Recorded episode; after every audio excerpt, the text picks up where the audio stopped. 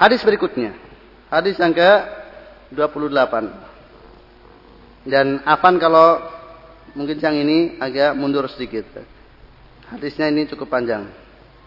Tapi mengejar target maka ya paling tidak dua hadis kita selesaikan dalam setiap siang.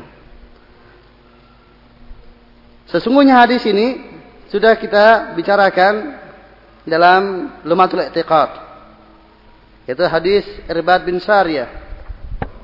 Hadis ke-28 dalam Arba'in An-Nawawiyah. Wa Nabi Najih Irbad bin Sariyah radhiyallahu an قال وعدنا رسول الله صلى الله عليه وسلم موعظة وجلت minal qulub dari Abi Najih Irbad bin Sariyah semoga Allah meridhoinya beliau berkata Rasulullah sallallahu alaihi wasallam memberikan nasihat wejangan kepada kita dengan sebuah wejangan yang membuat hati-hati bergetar merasa takut wadzarifat minhal qulub dan membuat minhal uyun dan membuat mata berderai air mata. Fakulna ya Rasulullah ka'anna ma'idatun muwaddi. Ya Rasul, maka kami katakan ya Rasulullah seakan-akan inilah nasihat dari orang yang mau berpisah. Fausina, maka wasiatilah kami, berikan kepada kami wasiat. Qal usikum bitaqullah wa sami wa ta'ah wa in ta'amaru alaikum abdun fa inna ma ya'is minkum fa sayara ikhtilafan katsira. Aku nasihatkan kepada kalian untuk bertakwa kepada Allah, mendengar dan taat walaupun yang memerintah kepada kalian seorang budak. Karena sesungguhnya siapa yang berumur panjang di antara kalian maka dia akan melihat perselisihan yang banyak. Falaikum bisunnati wa sunnatil khulafa'ir rasyidin al-mahdiyyin adu alaiha bin nawajid. Maka wajib bagi, bagi kalian untuk berpegang teguh dengan sunnahku dan sunnah khulafa'ir rasyidin yang terbimbing.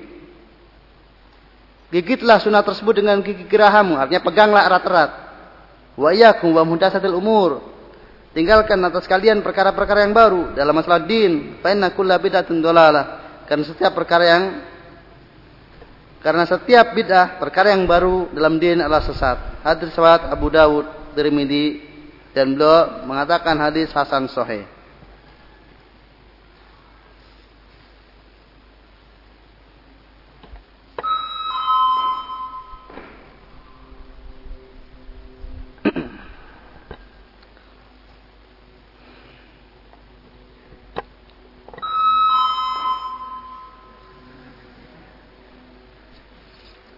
Ikhwafidin sallallahu yakum. Jadi hadis ini hadis yang sangat agung di mana Rasulullah sallallahu alaihi wasallam mewasiatkan kepada para sahabatnya dan berlaku wasiat ini kepada umatnya seluruhnya ila yaumil qiyamah yaitu untuk bertakwa kepada Allah Subhanahu wa taala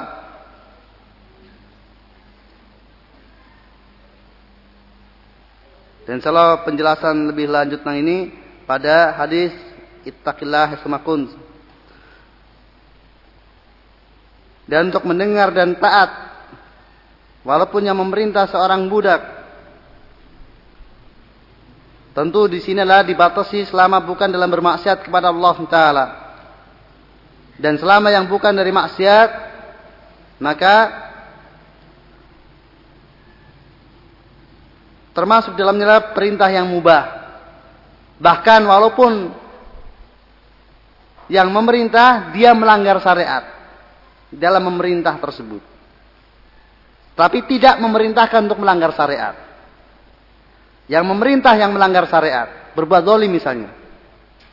Dia memerintahkan untuk sesuatu yang bukan menjadi kewajiban kita, bukan menjadi haknya. Maka kita laksanakan perintah tersebut selama bukan sesuatu yang merupakan kemaksiatan kepada Allah SWT. Maka taat kepada pemerintah atau imam bisa dikatakan terbagi dalam tiga bentuk. Yang pertama perintah tersebut merupakan kewajiban syar'i. Maka ketaatan di sini merupakan ketaatan kepada Allah. Artinya sudah jelas kalau imam memerintahkan kepada kita yang memang itu perintah Allah dan Rasulnya maka Wajib bagi kita mentaati perintah Allah dan perintah imam. Kemudian yang kedua perintah tersebut sesuatu yang mubah, maka wajib diati karena ini merupakan haknya. Allah dan Rasulnya tidak pernah memerintahkan dengan suatu perintah tersebut. Namun kemudian imam tersebut memerintahkan dengan perintah tersebut dan bukan maksiat. Perkara yang mubah, maka wajib untuk kemudian kita menunaikannya. Kemudian perintah yang ketiga, perintah tersebut merupakan kemaksiatan, maka tidak boleh ditaati. Perintah untuk bermaksiat kepada Allah Taala maka tidak boleh taati la ta'ata li makhluqin fi ma'siyatil khaliq demikian kata Rasulullah sallallahu alaihi wasallam. Tidak ada ketaatan kepada makhluk dalam bermaksiat kepada Khalik. Innama ta'atu fil ma'ruf. Hanyalah ketaatu kalau kemudian yang ma'ruf. Itu yang diketahui tidak melanggar syar'i, tidak merupakan keharaman. Dari sabda Nabi wa in ta'mar alaikin abdun wa in ta'ammara alaikum abdun ini ada penunjukan di situ bahwasanya budak tadi berkuasa dengan tidak menempuh jalan yang syar'i. Artinya tidak sesuai dengan aturan main syar'i untuk menempati kedudukan penguasa atau dengan istilah lain dengan kudeta.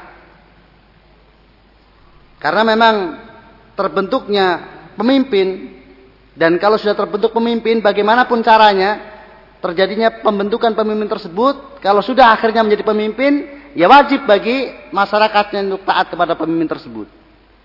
Dan terbentuknya pemimpin dalam Islam bisa dengan hasil pilihan, yaitu dengan cara dipilih oleh pemimpin sebelumnya atau oleh perwakilan umat.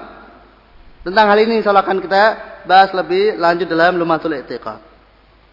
Demikian juga bisa didapatkan dengan hasil kudeta yaitu menjadi pemimpin karena berhasil mengkudeta pemimpin sebelumnya. Dan pada lafaz wa in ta'amara alaikum abdun ada isyarat demikian.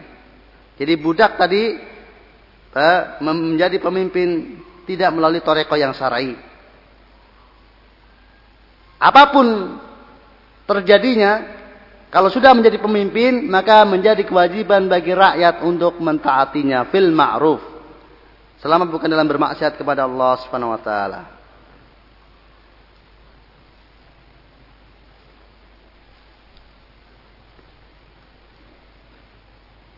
Kemudian ifah fidin yakum pada pesan Nabi sallallahu alaihi sallallahu alaihi wasallam untuk berpegang teguh dengan sunnahnya dan sunnah khulafur rasyidin dan untuk meninggalkan bid'ah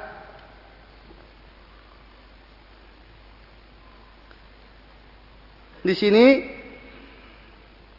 bahwasanya standar kebenaran adalah pada sunnah Nabi Shallallahu Wasallam dan Khulafaur Rasidin dan yang menyelisinya itulah bid'ah. Karena dan yang bid'ah itulah sesat yang menyelisih yang ada pada Nabi Shallallahu Wasallam dan para sahabatnya itu adalah sesat karena Nabi mengatakan fa inna kulla bid'atin dolalah Kullu bidatin dolala. Ini tidak sama dengan sunnah. Kalau sunnah terbagi menjadi sunnah hasanah dan sunnah sayyah. Adapun bid'ah hanya satu bid'ah dolala.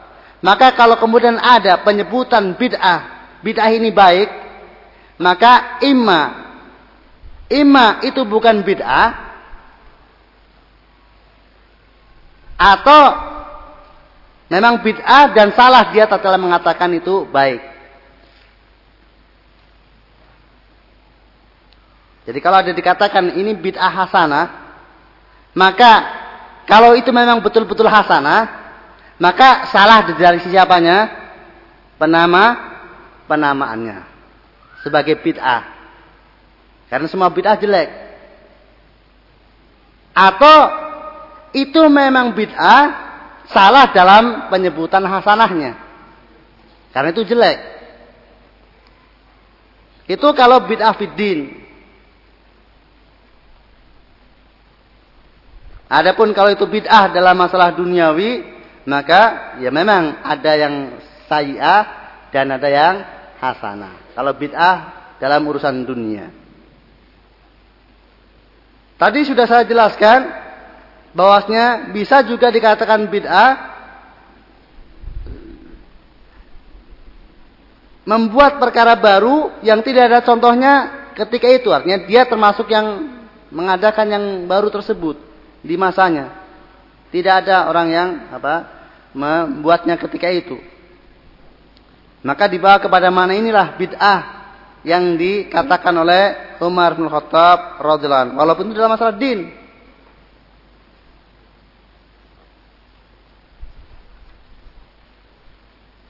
Sebagian ulama mengatakan itu bid'ah secara lugatan.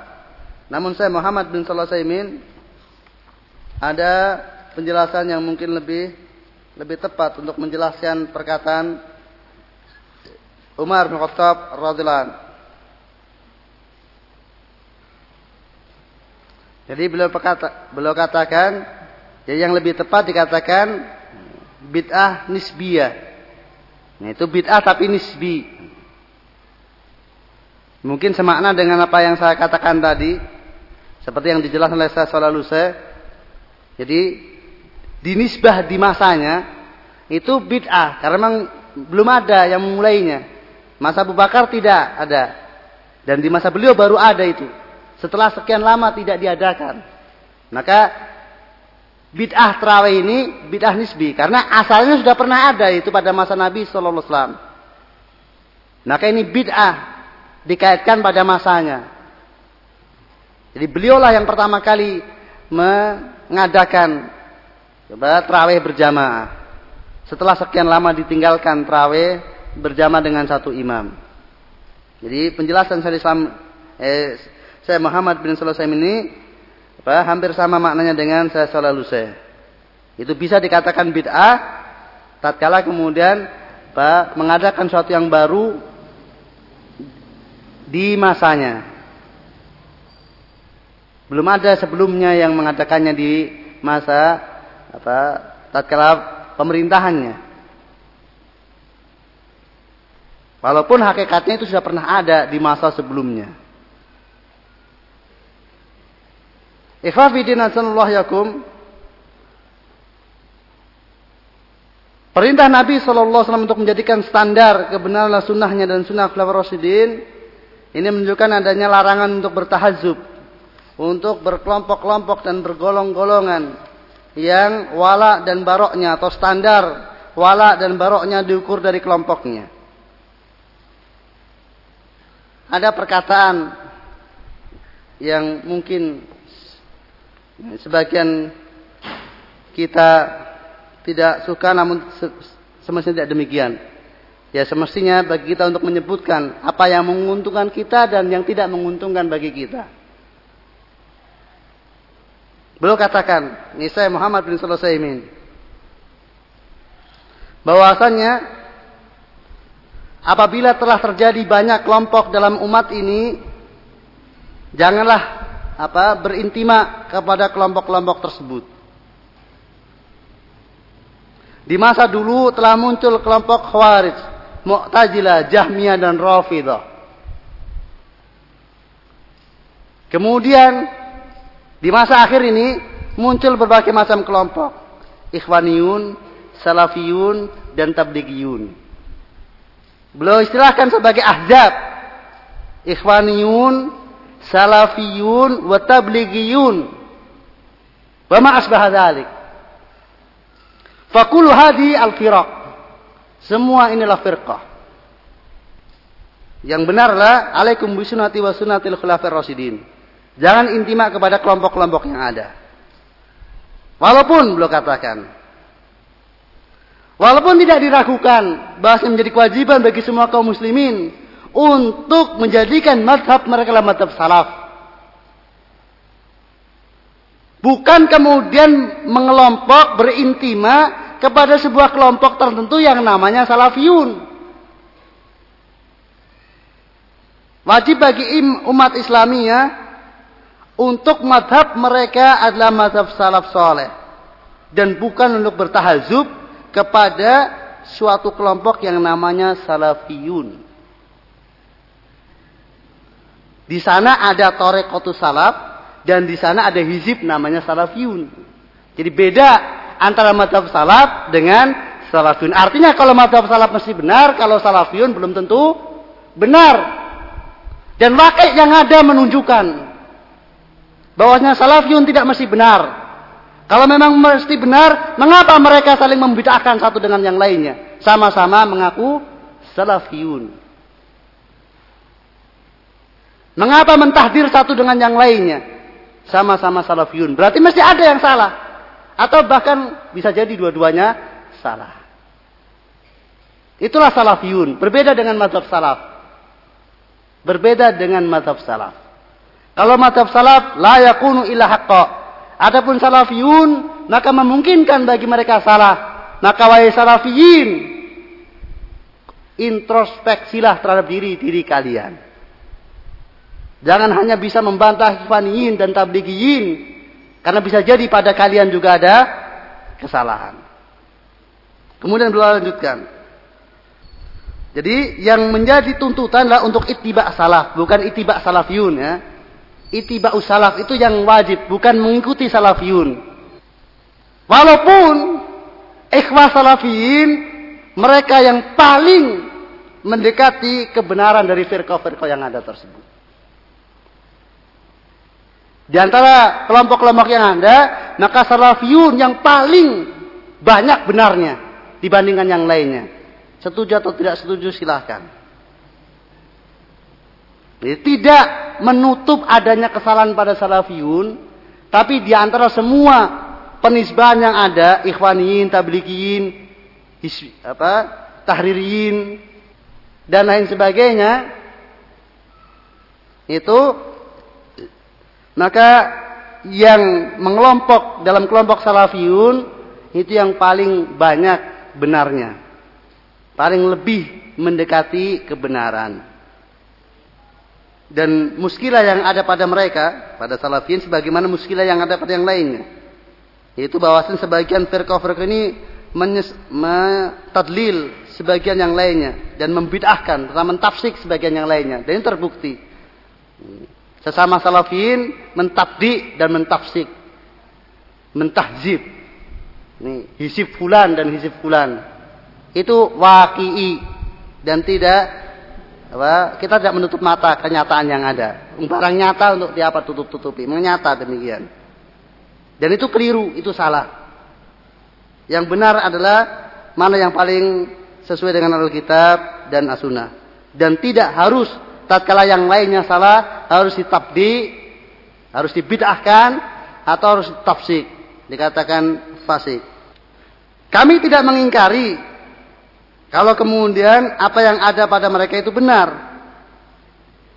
Akan tetapi kami mengingkari bahwasannya mengobati bid'ah tersebut dengan cara seperti itu, mengobati apa yang ada dari kebid'ahan yang dilakukan oleh kelompok yang lainnya dengan cara mentabdi setiap yang melakukannya, itu permasalahannya. Ya pengobatan tidak dengan cara demikian. Ya sebutkan saja itu salah, menyimpang, dan itu kalau memang termasuk bid'ah ya harus dikatakan bid'ah, tapi tidak secara otomatis bahwasanya kemudian pelakunya adalah sebagai mubtadi, sebagai ahli bid'ah.